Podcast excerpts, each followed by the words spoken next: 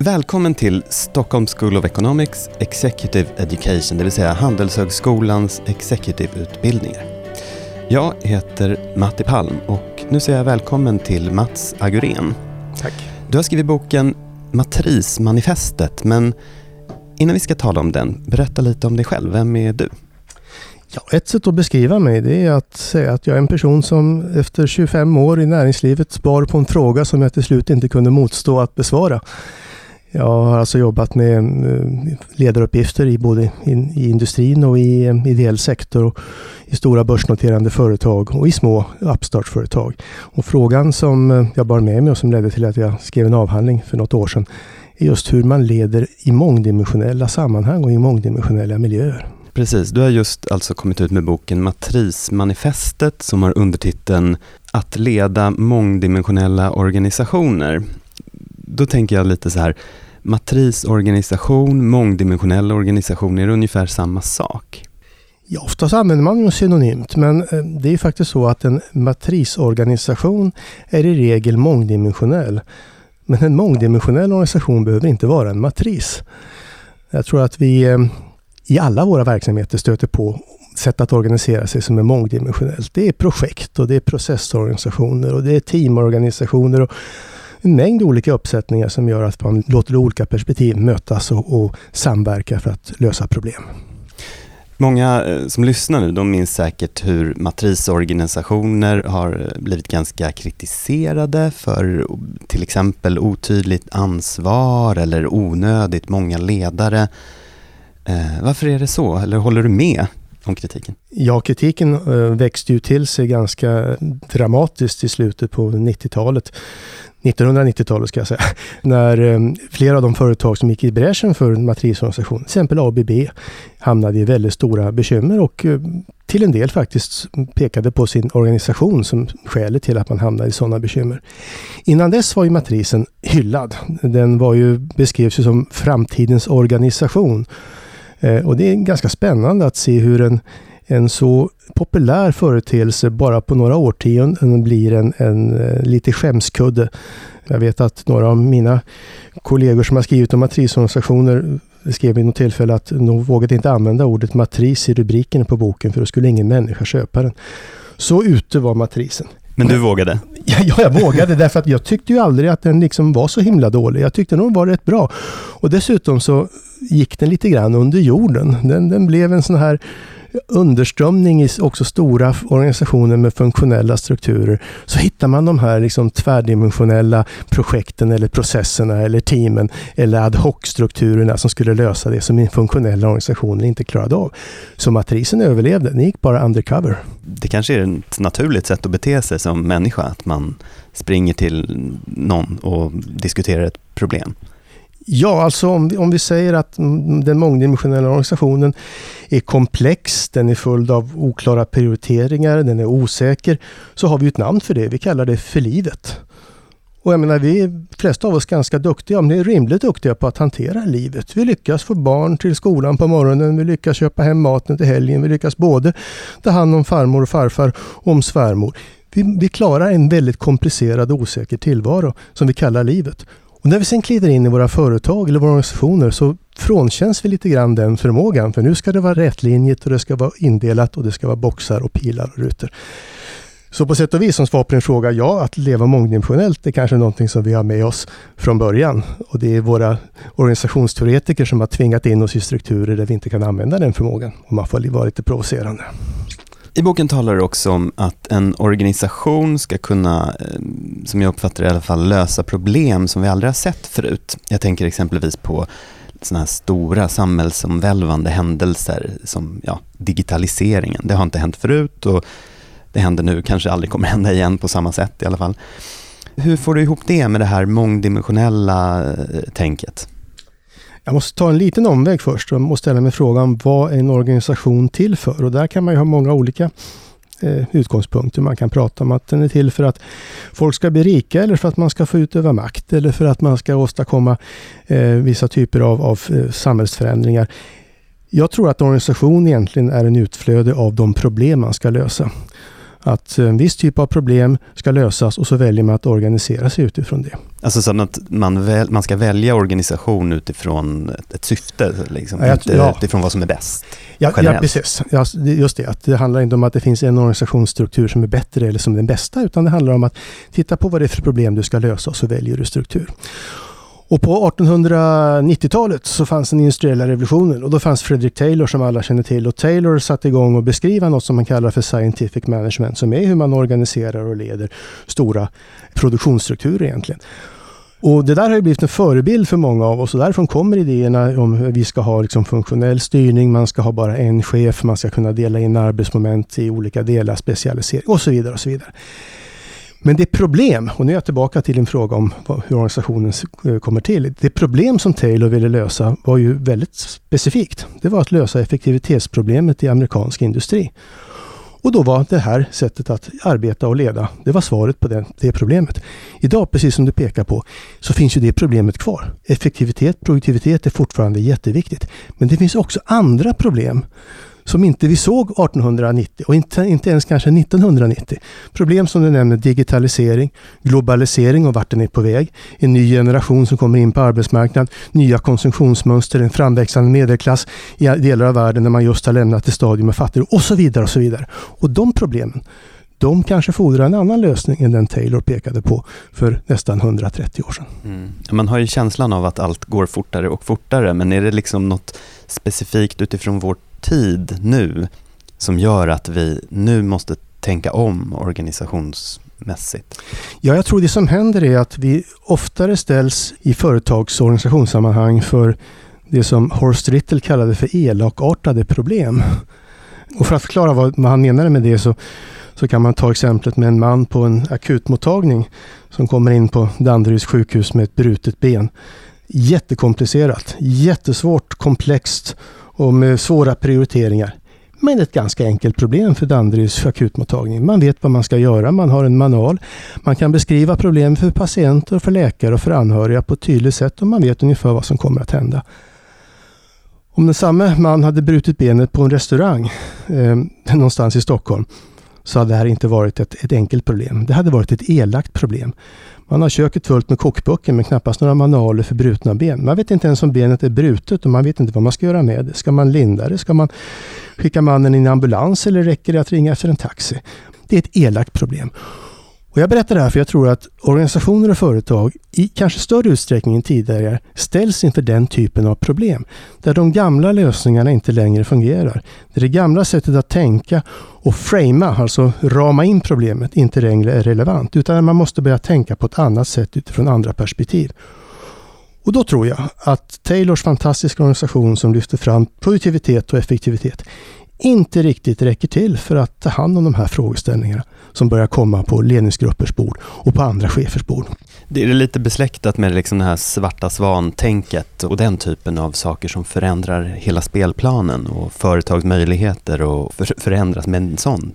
Ja, det, det finns likheter men samtidigt så det här med ett elakartat problem är ju väldigt sammanhangsberoende.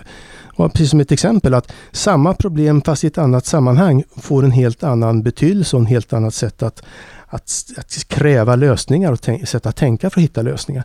Jag tror att en viktig egenskap, eh, och vi kommer säkert att, att prata mer om det, det är en egenskap att kunna hitta de här elaka problemen och förstå att ett problem är elakt. Inte därför att man vet att lösningen är svår och komplex utan därför att när man borrar i problemet så ser man att här har vi ett problem vi aldrig har stött på tidigare.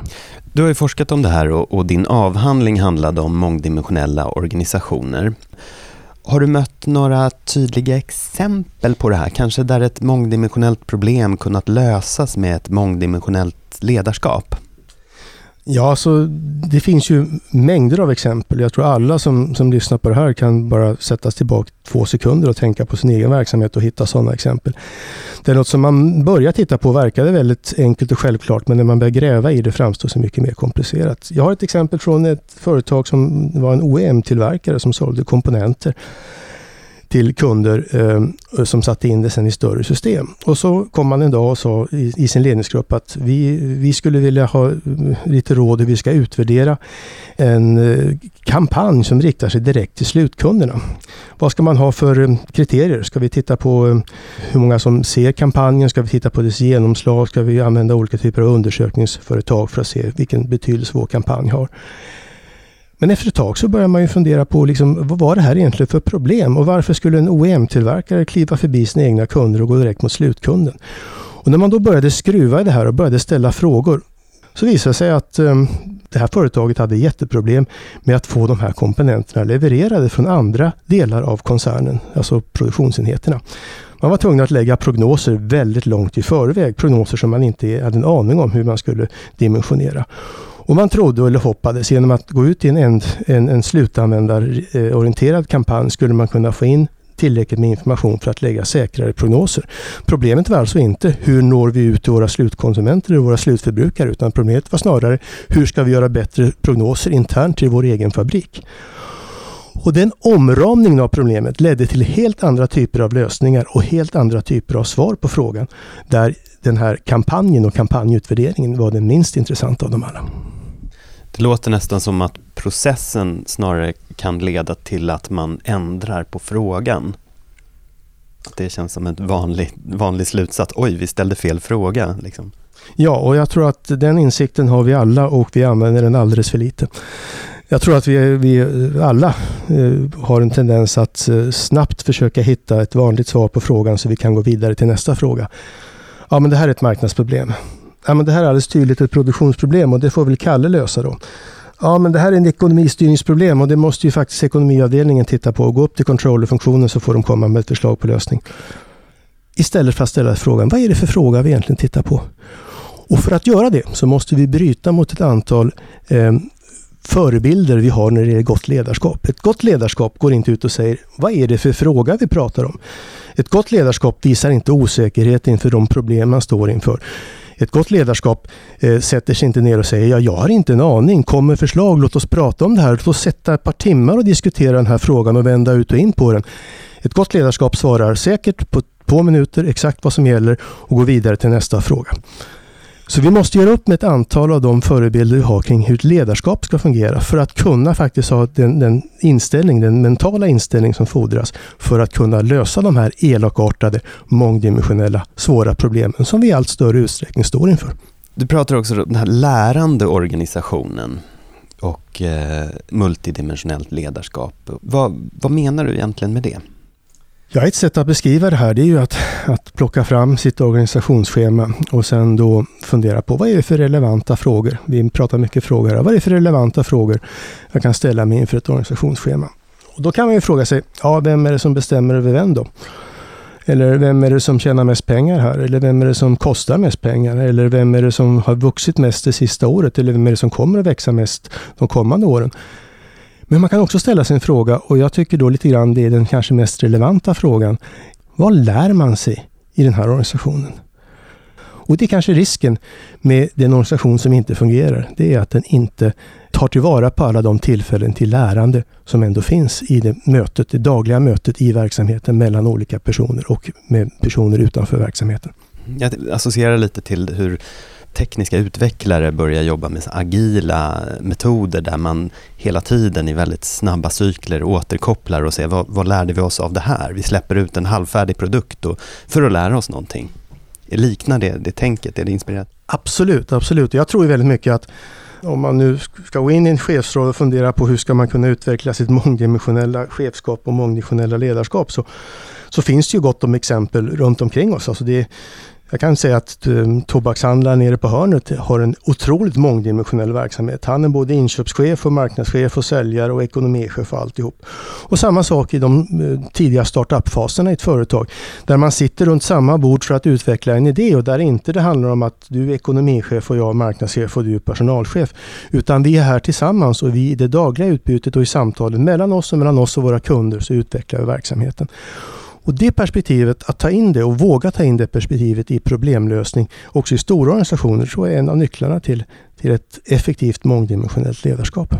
Det här vi har diskuterat nu, kan man konkretisera det för att kanske ge några bra råd för ledare som vill bli bättre på det här mångdimensionella ledarskapet eller tankesättet kanske man till och med ska kalla det för bara? Ja, det finns en del saker som man som chef kan göra och det handlar ju lite grann också om att skaffa sig lite kompletterande förebilder än de eh, kanske ledarskapsmodeller som betonar effektivitet och beslutskraft och beslutsstyrka. Eh, och våga vara en ledare som också ställer frågor och visar osäkerhet. Jag tror att eh, det är en, en, av nyckelfrågorna om vi ska eh, utveckla det sånt här ledarskap. Och att då lära sig skilja mellan de problem som faktiskt är enkla och som vi kan lösa och som vi har manualer för och där vi är effektiva och de problem som fordrar ett annat tänkande och ett annat synsätt. Men rent praktiskt kan man säga, det finns ett par saker man kan göra. Man kan, man kan utnyttja de mötestillfällen som finns i alla organisationer. Det finns seminarier, det finns eh, ledningsgruppsmöten. Det finns andra tillfällen när människor från olika delar av organisationen kommer samman och sätts ner och pratar. Använda dem för att också ställa sig frågor kring vad har vi lärt oss av det här? Vad kan vi ta med oss från det här? Och så använda dem för att lyfta problem och frågeställningar som känns lite skavande. De, det kan vara potentiella elaka problem som vi behöver lösa. Jag tror att man ska försöka stödja eh, att flytta runt chefer och medarbetare i organisationen. Inte se det som en, ett bekymmer att folk lämnar en del och börjar någon annanstans utan snarare som en tillgång att man får in ny kompetens, ny erfarenhet och ny, nytt kunnande. Jag tror att man också eh, försöker att vara lojal mot den mångdimensionalitet som finns. Tillsätter man en, en projektgrupp eller tillsätter man en processgrupp som ska arbeta tvärdimensionellt, eller tvärfunktionellt med frågor så ska de också få den respekt och det stöd och den support de behöver och inte köras över av en ledning eller av andra chefer. Sen tror jag det är viktigt att man utvecklar ett gemensamt språk och att man verkligen lägger omsorg att hur man pratar om sin verksamhet. Min erfarenhet av de exempel som jag tittade på i min avhandling och också i min bok är att ofta så har man inte kommit överens i företaget vad man egentligen menar med vissa nyckelbegrepp. Ett tillfälle så var det begreppet kund som var alldeles, alldeles oklart. Alla trodde att man visste vad man menade när man sa att det här är vår kund. Men börjar man gräva i det så visar det sig att man har helt olika definitioner på kundbegreppet inom olika delar av verksamheten. Och då var det naturligtvis jättesvårt att eh, diskutera saker som eh, övergripande kundstrategier och andra saker när man inte har samma språk. Det ledarskap jag försöker beskriva här eh, ett ledarskap som handlar väldigt mycket om att kontinuerligt försöka tolka det som händer i omvärlden. Att ta till sig impulser utifrån och se vart, vart är vi på väg någonstans? Och att översätta det in i sin egen verksamhet. Vad händer hos oss? Hur kommer det att påverka oss? Men också att kunna formulera det i en idé, en tanke och en vision inför framtiden. Och sen att kunna agera. Och det här kanske också kritiken mot matrisorganisationen är som kraftigast, att den blir handlingsförlamande. Så tar man bort elementet att kunna ta beslut och agera, som är en naturlig del av allt chefskap och allt ledarskap, ja då har man bekymmer. Men har man med den komponenten så är det en styrka att kunna, när det behövs, kunna gå in och agera i ett mångdimensionell miljö med mångdimensionella perspektiv och våga utmana etablerade tankesätt. Men det låter ändå som att det finns ganska mycket man kan ta till sig utan att omorganisera en verksamhet. Man kan själv börja bete sig mer åt det här hållet. Absolut, alltså organisation är ju... Det, när vi pratar organisation så pratar vi ju ofta de här organisationsscheman med rutor och pilar och streck och saker. Och, och de, de, är ju väldigt sällan mer än mycket, mycket eh, bristfälliga avbildningar av verkligheten. Och att haka upp sig på att det är där vi hittar lösningar på problemen eh, tror jag är ett, eh, att grovt överskatta kraften i rutor och pilar och streck. Det är bättre att börja bete sig annorlunda själv just här och nu. Ja, och då kanske du upptäcker ett tag att du inte ens behöver rita om varken pilar, eller rutor eller streck. Det fungerar ändå. Du nämner här att matrisorganisationer ibland kan ha lite svårt att exekvera eh, att det, att det finns en svaghet och att det kanske är en del ledare som sitter och lyssnar på podden här nu som känner igen sig i det, för de sitter i matrisorganisationer idag ett bra tips till dem att komma förbi det problemet? Ett vanligt beteende i matriser som behandlingsförlamade det är ju det här att man, eh, man skickar alla frågor högre upp. På lägre nivå lyckas man inte komma överens i ett samtal eller i en problemlösning och så skickar man till nästa nivå, en trappa upp för att be dem lösa det. Och det är klart att om alla frågor liksom vandrar uppåt i organisationen till högsta ledningen så slutar ju organisationen att fungera. Då finns det ju ingen matris längre. Då finns det en chef som sitter och bestämmer allt i stora organisationer, jag tänker då på ABB och på 90-talet och också i Electrolux där jag själv arbetade, så hade man en väldigt tydlig regel och sa att eh, chefer som gör på det sättet, de eh, har inte förstått sitt mandat och sådana chefer kan göra det en gång men eh, fortsätter de göra det så, så får man kanske fundera på om de faktiskt kan fungera i en mångdimensionell miljö. En annan typ av chefer är de här som eh, beter sig enligt det här berömda Bohicka-syndromet, alltså bend over here it comes again. Det är chefer som undviker att fatta beslut därför att de alltid eh, upplever att det kommer att ändras i alla fall. Så att om jag bara håller ut tillräckligt länge så kommer ett annat beslut. Bohicka-chefer, eller bohikaner som jag kallat det i min bok, ska man se upp med. Och de ska man också som chef naturligtvis eh, ta i örat och säga att eh, det handlar inte om att ducka hela tiden utan det handlar om att faktiskt också genomföra saker och det är en del av chefsansvaret att ta beslut och genomföra saker. Ibland kan ju en matris också behandlingsförlamad därför att den utartar till en ständig förhandlande, ett ständig basar där alla går runt och förhandlar om allting hela tiden därför att man inte är riktigt klar över vem som bestämmer. Och där igen så måste man vara tydlig att, att en, en mångdimensionell struktur är inte en basar. Det är inte så att allting ska förhandlas tills man kommer till en lösning utan det är en del i chefsansvaret faktiskt att sätta ner foten och säga det här är vad vi ska göra. Och är man chef så får man faktiskt bita i det äpplet och göra det på det sättet för det är det man, man är tillsatt för. Eh, så att mitt råd för att undvika handlingsförlamning det är att se upp de här dysfunktionella eh, beteendena som kan leda till att du hamnar i en miljö där du får en hel del problem i din mångdimensionella organisation. Men var också beredd att ta ditt eget ansvar att faktiskt sätta ner foten. Och ibland så kan det vara smart att eh, om man är väldigt osäker på ett, eh, en lösning att, att definiera den på lite annorlunda sätt. Jag har varit med om att vi har sagt att jag vet inte om det här är ett bra förslag men vi kallar det för en pilot. Och då är vi inte längre committade till att vi måste göra samma sak igen, utan då kan vi faktiskt göra på annat sätt nästa gång. Och så kan vi ta fram lärandeperspektivet. Intressant. Slutligen, eh, nu när vi spelar in det här så är det snart julledigheter där folk kanske har tid att läsa lite extra din nya bok förstås. Men du kanske också har något annat tips som, på någon läsning som knyter an lite till det vi har talat om? Ja, eftersom vi precis har genomgått ett mycket dramatiskt val i USA med ett, eh, kanske för de flesta oväntad utgång så har jag ju kommit att tänka på en bok jag läste för, för ganska länge sedan och den är gammal. Den skrevs av Robert Kennedy eh, 1968 och den heter 13 Days A Memoir of the Cuban Missile Crisis. Alltså den handlar om Kubakrisen. Det är en bok som beskriver ett genuint elakartat problem. Eh, hur ska man hantera den aggression man upplevde att Sovjetunionen visade mot USA genom att skicka robotar till Kuba? Här kunde presidenten och hans rådgivare ha tagit den enkla vägen, definierat som ett enkelt problem, kallat för en aggression och skickat upp sina egna bombplan. Man valde att under 13 dagar dissekera det här från ett helt annat perspektiv med helt andra utgångspunkter och på ett helt annat sätt.